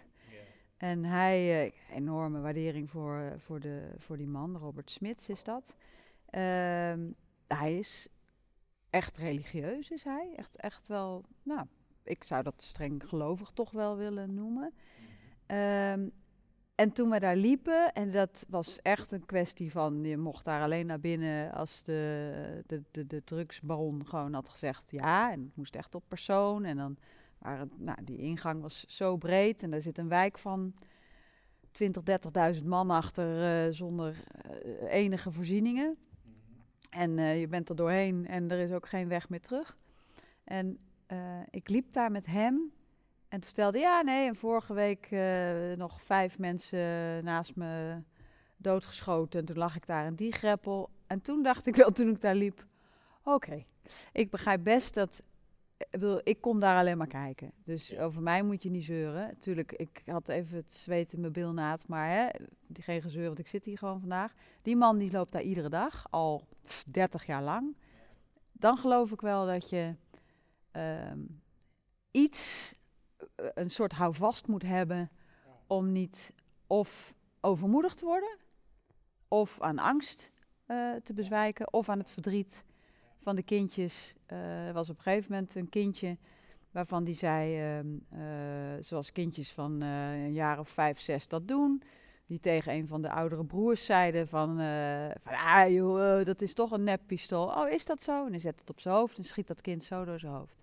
Nou, dat maakt hij daar aan de lopende band, maakt hij daar mee. Nou, dan vind ik het opeens echt al een stuk aannemelijker dat je ehm, op een of andere manier ergens... eh, Dat geloof heb je dan Ja. ook wel nodig. Ja, Ja. dus ik word daar ook wel steeds milder. Oeh, Milder. mild. Oei, Ja, is dat, dat moet nou ook weer niet. is dat mild? Nou, misschien dat je, nou wat je al net zei. Misschien Je krijgt een bredere blik. Nou, en dat je minder een, eh, een mening hebt over eh, Ja. dingen. Dat Ja. is het. En dat je vooral je realiseert dat wat jij denkt en eh, wat jij voelt en eh, niet altijd zaligmakend is. Nou, dat, dat vooral. Ja, En dat bij iedere keer dat je denkt, oef, hoezo? Hoezo is iemand gelovig? Hoezo is iemand wat dan ook? Dat je jezelf betrapt op die gedachte en denkt, oef, dat is eigenlijk best wel een eh, arrogante, zelfingenomen blik op de wereld. Ik weet het gewoon niet. het criterium ligt altijd bij mij eh, eh, in hoeverre wil je mij overtuigen. Op het moment dat jij mij gaat proberen te overtuigen of te vertellen wat mag en niet mag. Maar dat heb ik ook tegen niet-religieus. Mensen die mij vertellen Nee, wat mag en niet mag, daar ben ik allergisch voor. Dan haak ik af. Ja. En toch heb ik bij, met heel veel mensen, juist die, die er zoveel vast in vinden, heb ik die ervaring niet. Dat ze Nee, daar dus heel erg mee bezig Nee, zijn. dat heb ik die dus zijn ook. daar ook van, joh, jij jouw ding, ik mijn ding. En eh, dat, eh, dat is, eh, nee, daar ben ik ook, eh, daar ben ik ook allergisch voor. Zo heb ik een ervaring met die vreselijk gevaarlijke moslims van tegenwoordig. Dat, eh, dat was. eh, Je moet er even bij zeggen dat dit, want anders dan... eh, dat dit is het, ironisch. Ja, dat moet je Dit wel is ironie, zeggen. Mensen, jongens, ironie. ironie, hè. Ja. Toen deed ik een voordracht in, in de moskee in Raalte. Ik geloof niet dat ik ooit ergens beter, warmer, hartelijker ontvangen ben. En niemand probeerde mij te bekeren. En niemand problemen met mij en met mijn uiterlijk en met mijn hele manier van doen. En Hebben mensen dat wel eens? jawel, je? jawel. Ja? Ja, Waar hoor. merk je dat aan? Nou, ik ben niet eh, snel geneigd om ergens in een pak te komen opdraven. En dan zeker in bepaalde kringen, eh, ook eh, qua intellectuelen en dergelijke, dan vinden ze dat wel eens lastig. Echt waar? Ja, Ja, dat, dat, voel ik je zie dan? dat- Ze noemen mij dan een redneck. Echt? Ja. Jou? Ja, ik heb altijd zo'n houthakkersding aan en meestal een t-shirt van de Ramones. En, Ja, ja. Nou, mijn spijkerbroek is nu heel, maar... Dat had zomaar anders gekund. Dat, dat vinden mensen soms wel een probleem hoor. En vind je dat leuk? Natuurlijk vind ik dat leuk, want ik hou van provoceren. Ah. Nee, ja, ik ben niet helemaal gek natuurlijk. Dus, dus de volgende keer zitten er wel scheuren in je broek. Eh, nee, ik, nee, dat zou puberaal wezen.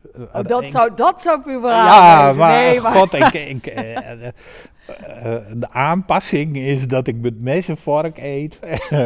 jou eventueel mevrouw noem. Nou, alsjeblieft zeg. Nee, Maar, Nee, ik ben wel vastbesloten om gewoon uh, Lambertvos bouwjaar 1962 te blijven. En eh, ja, En dat is voor jou gewoon dat. ja, dat is dit. Dit is het. En, eh, En wat vind je dan van mij? nou, ik ben bang dat mijn eh, vrouw meekijkt, dus ik moet Nee. daar- Lammert. dat Nee, ik, ik, vind jou- te Eh. aangepast? Nee. Jij bent ook jezelf, toch?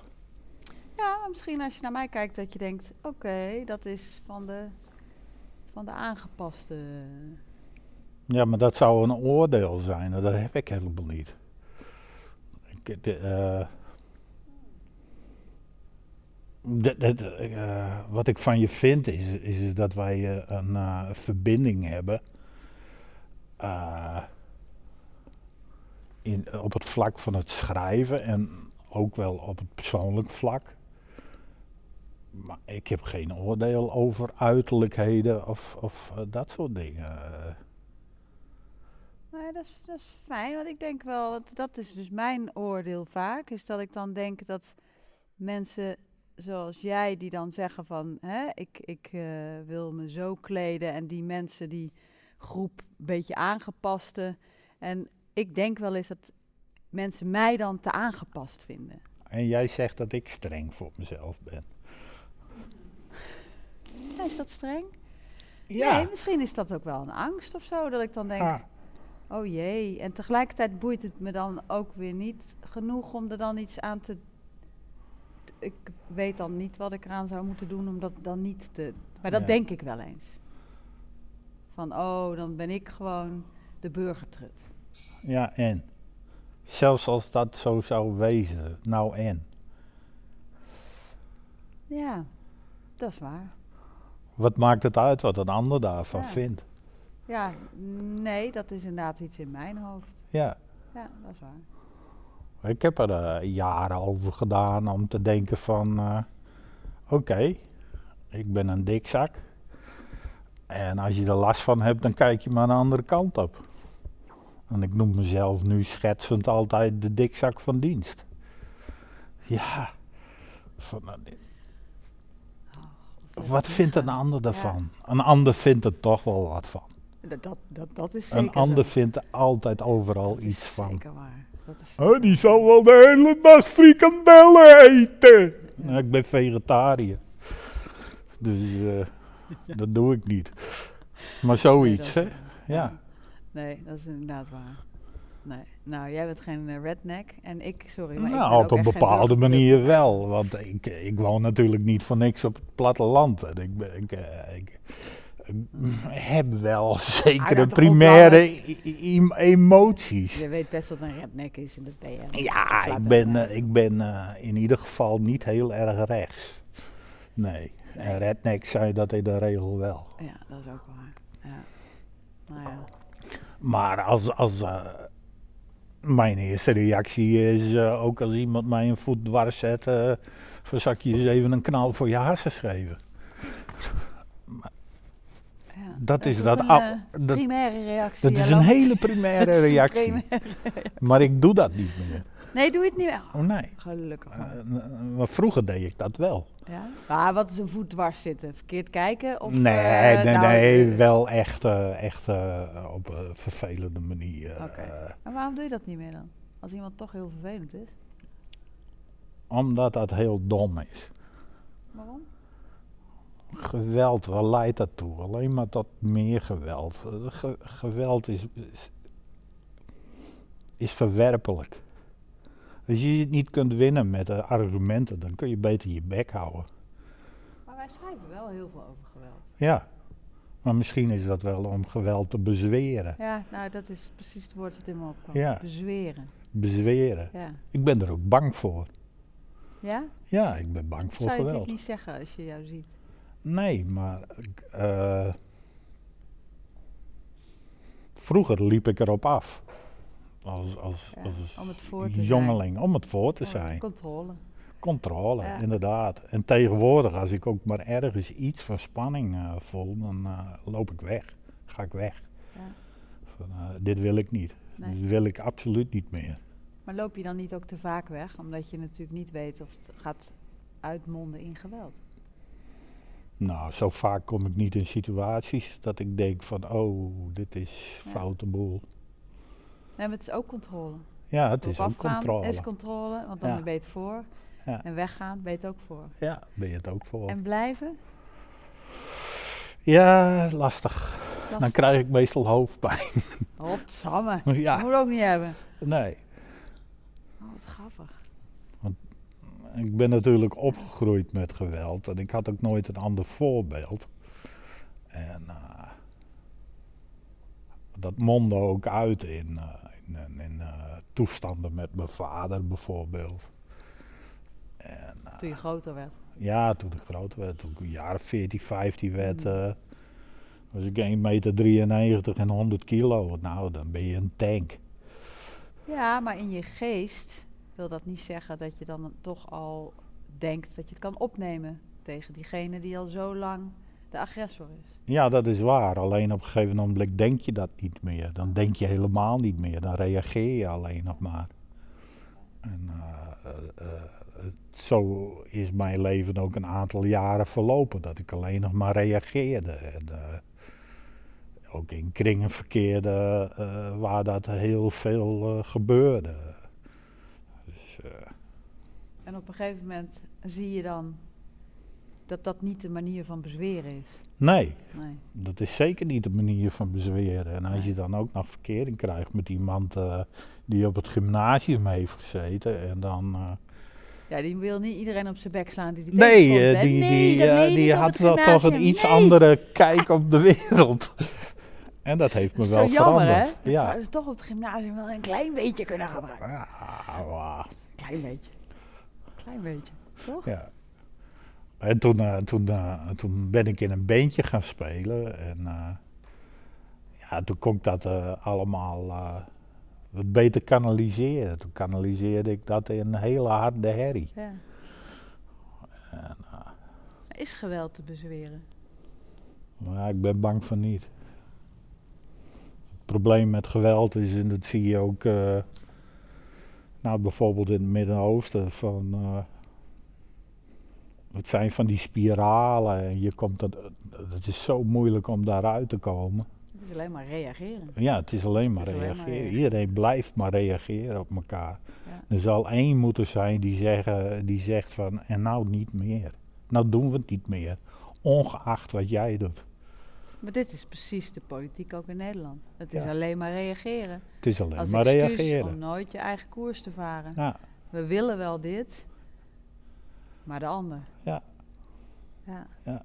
Nou, zijn we toch wel een, een behoorlijke cirkel Ja. gemaakt. Nou, als we het dan toch over de politiek hebben van... eh, wat vind jij dat we geregeerd worden door de Shell? Nou, weet je wat ik daar zo mooi aan vind? Is dat we, eh, dat, dat dus steeds eh, normaler begint te worden dat je daarover mag praten. Ik weet nog wel dat toen ik, ehm, eh, zeg maar zo in die twintiger jaren, dat iedereen nog gedacht dat die hè, tot grote hoogtes eh, eh, ging komen, allemaal in, in, in zijn leven. En dan wilden mensen bijvoorbeeld heel graag bij Shell werken, of bij dat soort bedrijven, bij de Heinekens, bij de Shells, bij de... En ik heb het idee dat toen was het echt not done om te beginnen over lobbypraktijken, hoe diep Shell natuurlijk op, hoe, hoe zwaar ze bij politici op schoot zitten, nog los van de draaideur die er eh, zit, maar ook de notities die natuurlijk ook al zo lang bekend zijn over het tegenhouden van milieuactie, het inzetten op individuele gedragsverandering, terwijl je donders goed weet dat daar natuurlijk geen enkele transitie gaat plaatsvinden.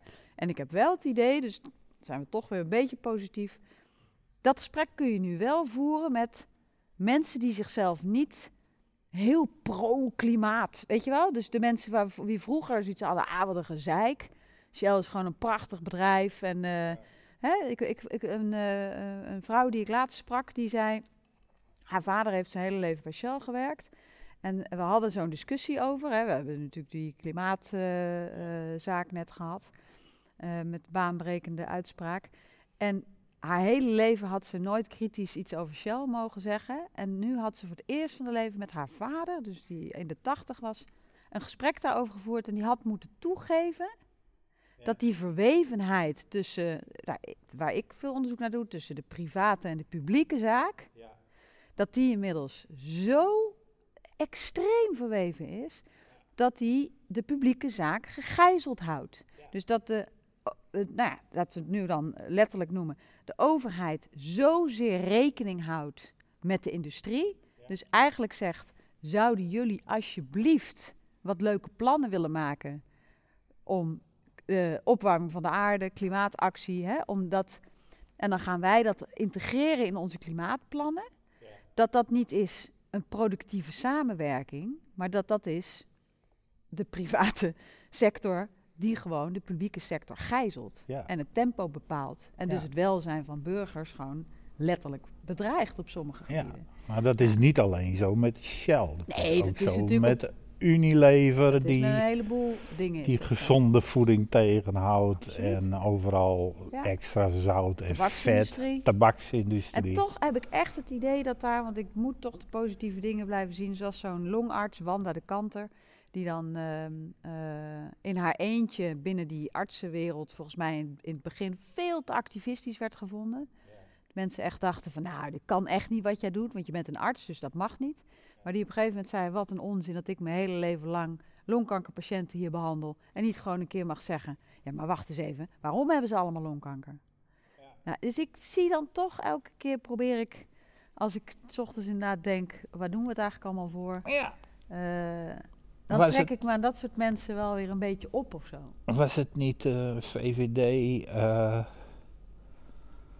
minister van Volksgezondheid, een, eh, een dame die nu lobbyt voor de tabaksindustrie?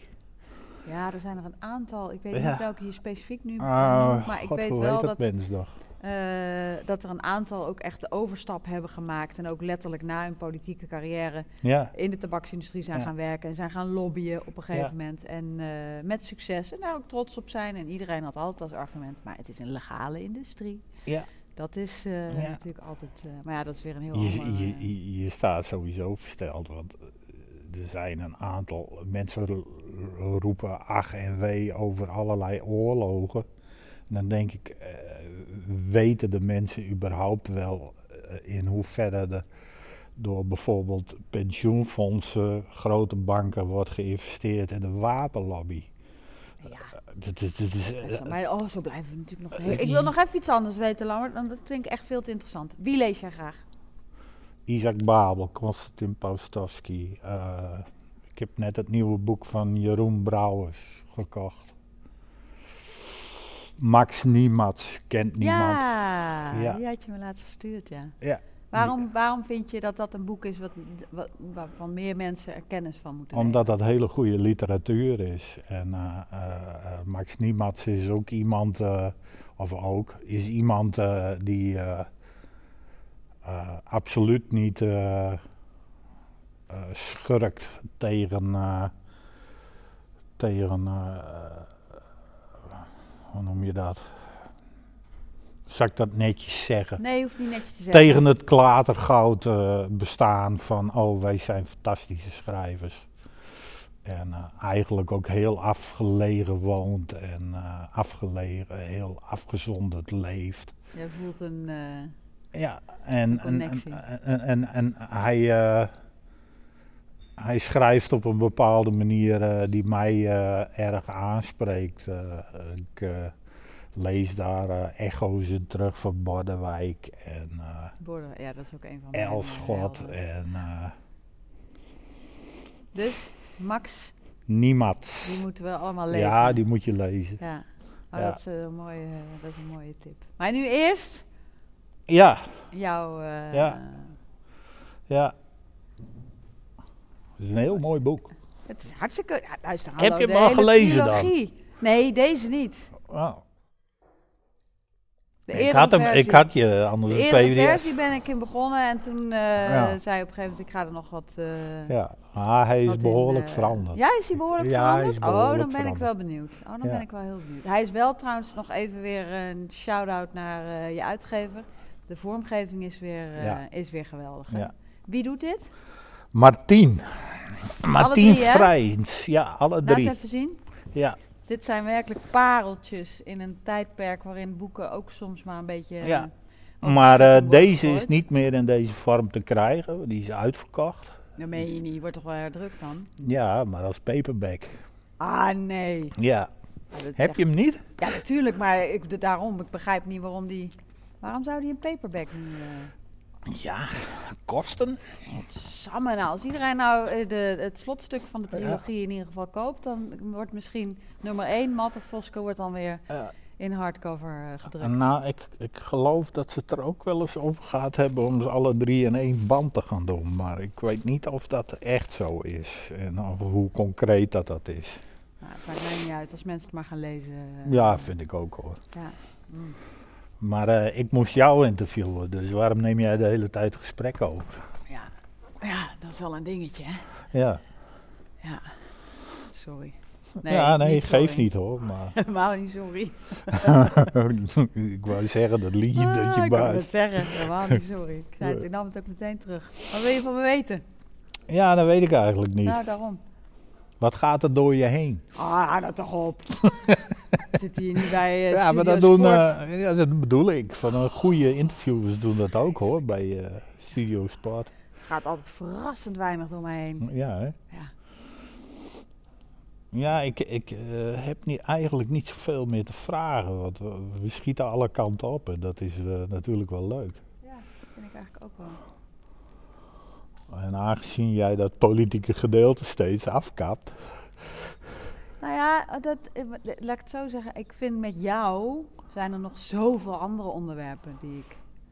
Dat is, eh, dat is bedoeld als compliment, hè? Ja, Er is nog zoveel andere dingen die ik interessant vind om het over te hebben. nou, vraag mij dan ding. Ja, nou hallo, ik, eh, daar was ik volgens mij wel aardig mee bezig. nee, nou, wat maar. ik eh, bijvoorbeeld zo fijn vind aan ehm, jouw schrijven, is dat het... ehm, jij valt weg voor mij. Als ik jouw boeken lees, dan is jouw hand er niet meer. Dan ben ik daar in, nou, eh, noem de scènes dat eh, in eh Canisius. Alleen die titel vind ik trouwens al een heerlijk, een heel, heel fijn woord, vind ik dat. Ehm, de scènes dat jouw, wat is het, oud-oom, de, de oom, oud-oom, dat als hij terug probeert te komen uit de oorlog. Ik denk dat ik daar dus pagina's voor nodig zou hebben. Ik denk dat jij het in, nou, ik, ik weet het niet uit mijn hoofd natuurlijk, maar het is volgens mij twee pagina's. En dan is die reis afgelegd. Maar ik in mijn hoofd leg ik hem al een half jaar of een jaar geleden, ik weet niet wanneer ik het heb gelezen, leg ik hem nog steeds af. Nou, als je zo gecondenseerd kan schrijven, en jij valt er voor mij tussenuit. Ehm, nou, dat is iets wat ik wel zou willen kunnen. Heb, weet je dat van jezelf, dat je dat kan? Dat je zo to the Nee, point kan nee, komen? dat weet ik niet echt. Maar eh, wat, wat ik eigenlijk doe, en, eh, is eh, ik schrijf dingen en dan, je noemt het eh, condenseren, dan eh, haal ik er zoveel uit eh, dat, dat, dat eigenlijk alleen maar de, de zinnen blijven staan die ertoe doen. De zinnen die iets zeggen. Ik, al, al, alle franje haal ik eruit. En dat is, dat heb ik dan niet gejat, maar ik heb het wel gelezen dat iemand als Isaac Babel dat ook deed. En eh, ja, dat ben ik ook gewoon gaan doen. En de grap is dat bijvoorbeeld eh Canisius was, eh, het begon aanvankelijk met een kort verhaal over die oom. Die oom die, eh, die, eh, die had zichzelf gepresenteerd als leeuwentemmer. Ja, dat is een mooi verhaal. Ja, Ja, maar dat is ook echt gebeurd. Eh, maar hij was geen leeuwentemmer, hij was oppasser in een, eh, in een, eh, in een circus. En met een dronken kop aaide die een leeuw. En Toen was die. ja, en die trok hem direct de arm eraf. Ja. Maar het is wel een mooi verhaal om dan gewoon te Het zeggen is een dat je prachtig leeuwentemmer- verhaal, ik kan maar het verhaal is nog niet af. Want hij woonde in Antwerpen en het was een oom die heel veel hele mooie verhalen vertelde. En eh, toen had hij een interview met het Belgische Panorama. En de interviewer was Ivan Heilen. En Ivan Heilen die, eh, heeft hij van alles wijsgemaakt. Dat hij met Johnny Weissmuller, Tarzan, eh, gewerkt had. En met allerlei beroemde leeuwentemmers van het Russisch staatscircus. Die helemaal niet bestaan hebben en zo. En had een groot artikel in de Belgische Panorama van beroemde leeuwentemmer. Raakt arm kwijt. Nou, dat was natuurlijk een fantastisch verhaal in, eh, in onze familie. We hebben ons kapot gelachen, want wij wisten wel beter. Maar eh, er was een deel van zijn leven, daar werd niet over gepraat. En dat, Dat- was het gedeelte dat hij in Duitsland en in Polen zat Ja. en eh, voor de Duitsers werkte. Nou, dat heb je natuurlijk mooi geschreven. Ja. Maar ik vind het toch ook wel weer een soort, soort geweldig iets. Een man die inderdaad gewoon voor de leeuwen zorgt en zijn arm kwijtraakt en zichzelf dan later leeuwentemmer gaat noemen. Dat Ja. is natuurlijk de oorsprong van verhalen. Dat is natuurlijk gewoon schrijven is de lulligheid van het leven een beetje overschilderen. Ja, Dat, dat, dat vind ik het leuke ook aan schrijven ja, eh, in Ik het ook. algemeen. ik ook. Ik kan- weet nog dat ik een tijdje geleden met een vriendin die eh, eh, waanzinnig goede columniste is, het erover had.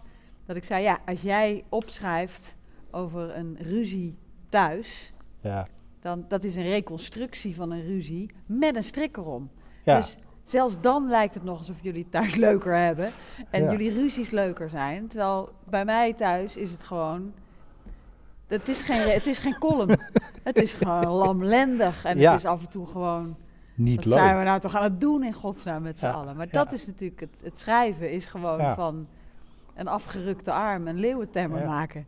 Ja. Ja. Nou, de, de, de, het nieuwe boek gaat dan over een oud-oom van me, een oom van mijn moeder, die pooier was in Groningen.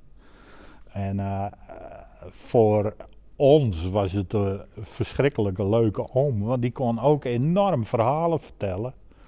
En we moesten altijd vreselijk om hem lachen. Maar het was natuurlijk wel een keiharde crimineel. En dat was het ook hoor. Ja. Wisten jullie dit? Of is dit later? Nee, dat wisten we. Dat, Dat wisten we. jullie wel? Ja, dat wisten we. En het, eh, hij heeft inderdaad op een gegeven moment, toen zijn motor niet wilde starten, heeft hij hem in de brand gestoken. Ja, dat vind ik ook wel terecht. Dat zou ik ook, dat Ja, zou ook eh, zo driftig. Die man die was zo driftig. En de laatste keer dat ik hem zag, dat was in die enorme Opel van hem. Hij had van die, van die grote Opel kapiteins en zo. Ja. Die, die- dat, bijna Amerikaanse sleeën. Dat was bij de begrafenis van mijn grootmoeder. En eh, Daar eh, reed hij weg terwijl dat hij eigenlijk niet kon rijden. En hij reed bijna het eh, hek eh, van het kerkhof omver achteruit. En, Omdat hij bezopen was? Hij nee, gewoon omdat hij niet kon rijden.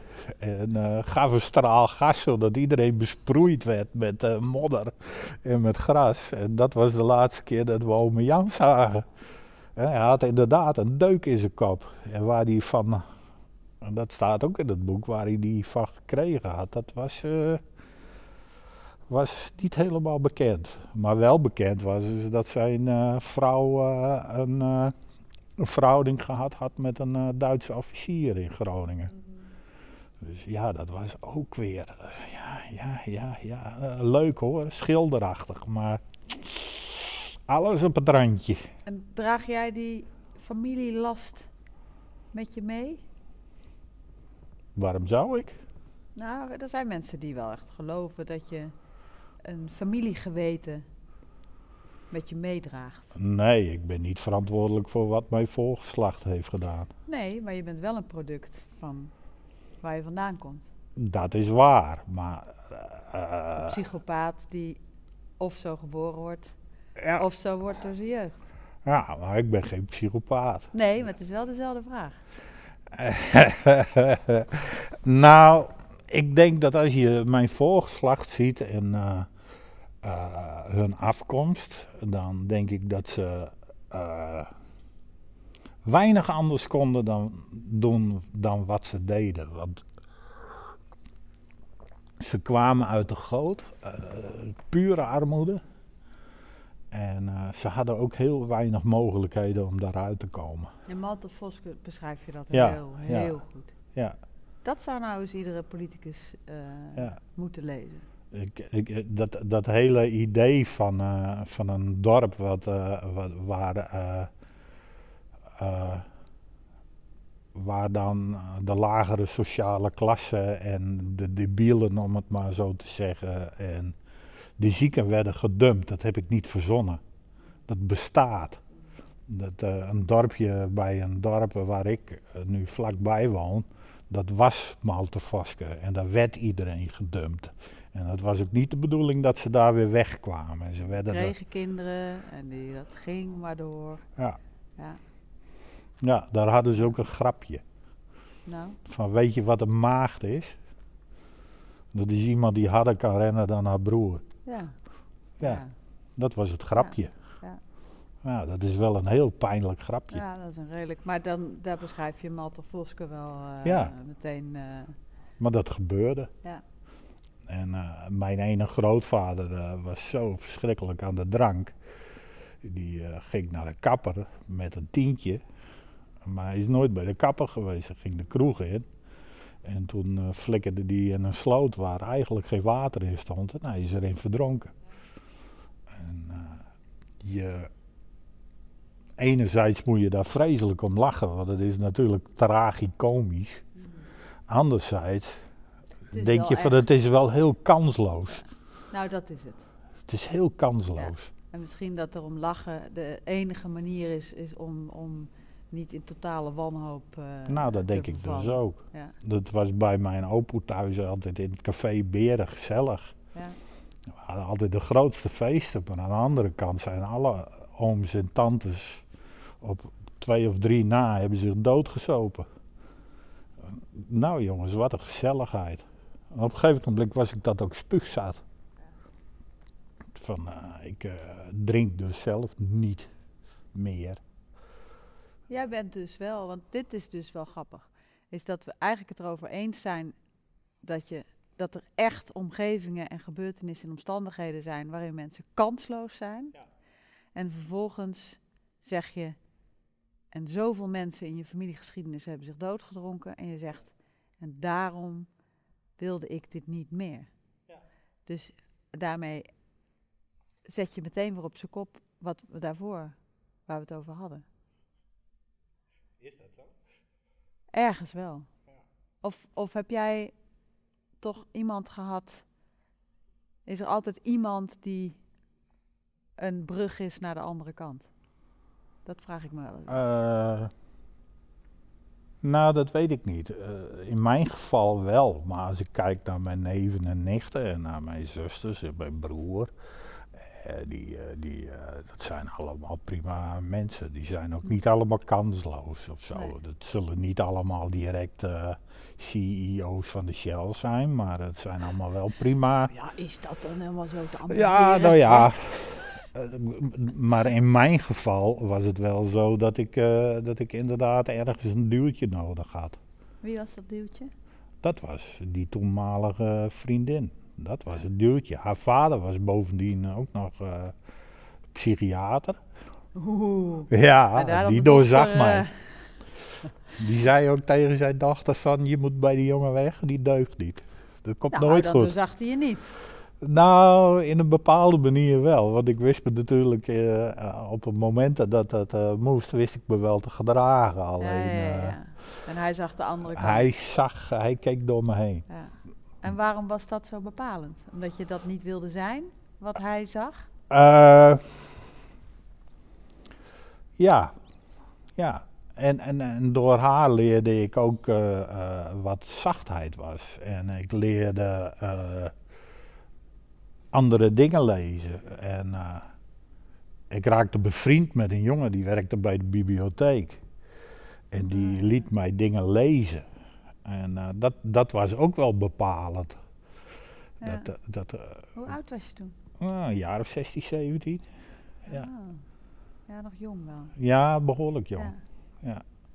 Oh, maar ja, zie je, dat is dan toch weer de enige conclusie die we kunnen trekken. Ja. Het zijn toch altijd weer de vrouwen, hè? Het zijn toch altijd weer de vrouwen. Ja, het schijnt zo. Ja. Ik ben wel blij dat we dan na de- de- deze avond toch weer tot de conclusie moeten komen Nou, ik dat we het je- allemaal aan de vrouwen te danken Ik hebben. moet je eerlijk zeggen dat mijn ervaring ook is in de, in de vluchtelingenkampen. Dat eh, het eh, de vrouwen zijn die alles overeind houden. De mannen gaan zitten klagen. Het is een generalisatie, Hmm, vandaag mag hij. maar het is, dat is wel mijn ervaring. De vrouwen zijn het hardst en het stevigst en het sterkst. Behalve ik. Dat is flauw. Sorry. Ik vind het een, eh, ik vind het een, mooi, eh, een mooi einde. Oké, Ik ben het ermee eens. goed.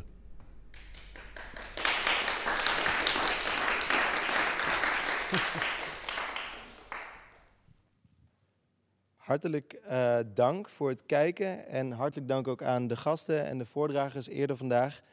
Ehm, hartelijk dank ook aan de Lux waar we deze livestream mochten opnemen.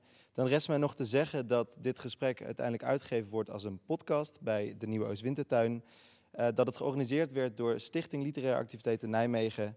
En ehm, ik wil jullie allemaal aanraden om naar de boekhandel te rennen, dit essay te halen en ook nog een ander boek, want dan krijg je dat mooie boekenweekgeschenk van Hanna Bervoets erbij.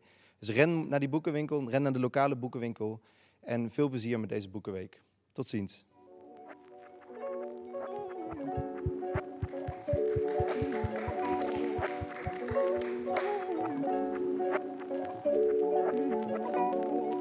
Deze podcast werd gemaakt in opdracht van Stichting Literaire Activiteiten Nijmegen.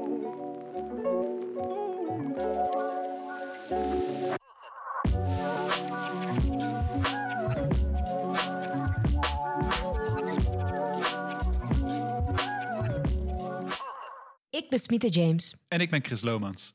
en wij zijn de staat van het verhaal. Een plaats voor onvergetelijke verhalen. Wij zijn op zoek naar verhalen die van maatschappelijke waarde zijn. En daar kun jij aan bijdragen. Heb je een verhaal dat je in onze podcast wilt delen? Een persoonlijke ervaring, een familieverhaal of nog iets anders? Meld je dan aan op www.destaatvanhetverhaal.nl. De staat van het verhaal is een podcast van de Nieuwe Oost Wintertuin.